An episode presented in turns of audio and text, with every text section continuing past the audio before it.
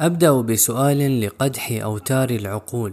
لماذا خلق الله للإنسان لسانا واحدا وخلق له أذنين؟ ولماذا وضع سبحانه على اللسان غطاءين أسنانا وشفتين وترك الأذنين بلا غطاء؟ لقد علمتني الحياة درسا عظيما أريدكم أن تشاطروني لذة تأمل معانيه والفوز بأكبر قدر من مراميه.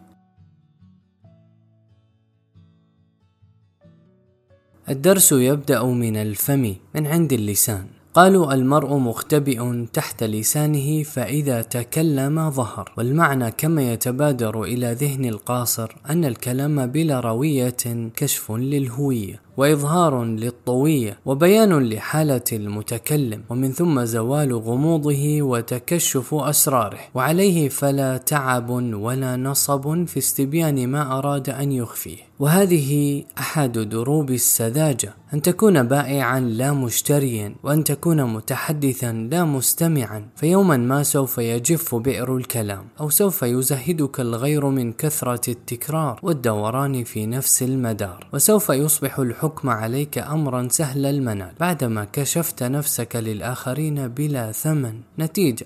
إذا يجب أن نعرف متى يجب أن نتكلم ومتى يجب أن نصمت. فليس من الصياح والعويل دليل حياة ولا ثقافة ولا علم. وهنا أتذكر حكمة نطق بها لسان خامس الخلفاء الراشدين عمر بن عبد العزيز. لما سئل متى تحب أن تتكلم؟ قال أحب أن أتكلم حين أشتهي الصمت قيل له ومتى تحب أن تصمت؟ قال أحب أن أصمت حين أشتهي الكلام والمغزى من وراء هذه الحكمة رائع للغاية خاصة عندما يصدر من صاحب أكبر منصب بدولة الخلافة فالكلام عند اشتهاء الصمت سوف يكون مغلفا بالحكمة ممزوجا بالتأني محاطا بالتعقل ومن ثم يمضي نحو أهدافه بلا إثارة والصمت عند اشتهاء الكلام وقار وهيبة وكبح لمفردات متأججة ومن ثم تضييق الخناق على بواعث الشر ومكامن التناحر. وعليه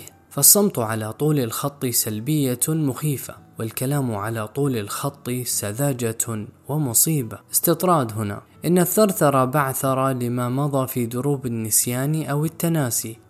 وطمس لمن قضى من مآثر وفضائل ولو كانت مثل الجبال وحجر وحجب طويل الأمد على الآتي من الفعل والقول. فالإنسان يخسر خسرانا كبيرا إن سبق لسانه عقله وإن تغلبت شهوة كلامه على فطرة صمته. بل إن المجتمع يخسر إن كثر فيه الضجيج الذي تتوارى بين أنقاضه شهقة الحق وتضيع في متاهاته بينة الرشد. فلا يتبين الناس الطريق ولا يهتدي الخلق إلى صواب لأن الكل يثرثر. فلا مجال للسمع أو للتعقل. نموذج فج للثرثرة الأخبار الكاذبة والشائعات المغرضة والفتاوي المنحرفة والشعارات البراقة والنميمة والغيبة وأمراض خطيرة تنشرها كلمات رنانة في محيط المجتمع. تزلزل استقراره وتهدد أمنه. نعم نعم. إن اختلاف الرأي وتباين الرؤى أمر طبيعي بين البشر لأنهم هكذا خلقوا. لكن يجب أن نواجه أنفسنا بعدة أسئلة قبل أن نتحدث عن حق الاختلاف. يجب أن نعلم أولا لماذا نختلف وكيف نختلف وما هي مبررات الاختلاف وما هي أهداف الاختلاف حتى لا يكون الاختلاف مجرد معارك كلامية جدلية لا تسمن ولا تغني من جوع. ولا أحسب أن عاقلا يؤيد حلقات العراك والصياح والجدال العقيم التي تعقدها بعض الفضائيات تحت مبررات البحث عن الحقيقة فالحقيقة تتوه في غابة الجدل والمحصلة الحقيقية هي دفع الناس بلا روية إلى دائرة فقدان شهية الصمت وإلى بلوغ الذروة في شهوة الكلام. خلاصة الكلام لما ذهب نبي الله موسى عليه السلام لمناجاة ربه ثلاثين ليلة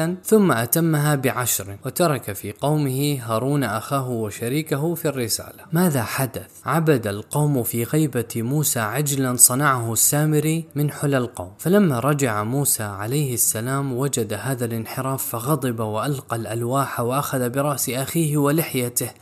يجره إليه غيظا وحنقا. قال كما حكى القرآن. قال يا هارون ما منعك إذ رأيتهم ضلوا؟ ألا تتبعني؟ أفعصيت أمري؟ وهنا بيت القصيد. أجاب هارون على موسى كما حكى القرآن. قال يا ابن أمي لا تأخذ بلحيتي ولا برأسي. إني خشيت أن تقول فرقت بين بني إسرائيل ولم ترقب قولي. ودلالات رد هارون على موسى عليهما السلام اتركها لأهلها ولكن اطرح أسئلة أربعة على قدر فهم المتواضع. أولا أليست وحدة المجتمع وتماسكه فريضة؟ ثانيا هل يعني الصمت الحكيم الرضا عن الأزمات أم معناه التفكر من أجل اختيار أفضل الطرق لعلاجها؟ ثالثا هل من المقبول أن يتحدث كل من ملك صوتا في شؤون العامة ناهيك عن الصياح والعويل الغير مبرر؟ أم يجب أن يترك المجال لأولي الأمر؟ أليس من الأفضل أن نعمل سويا في صمت بدلا من أن نملأ الأرض ضجيجا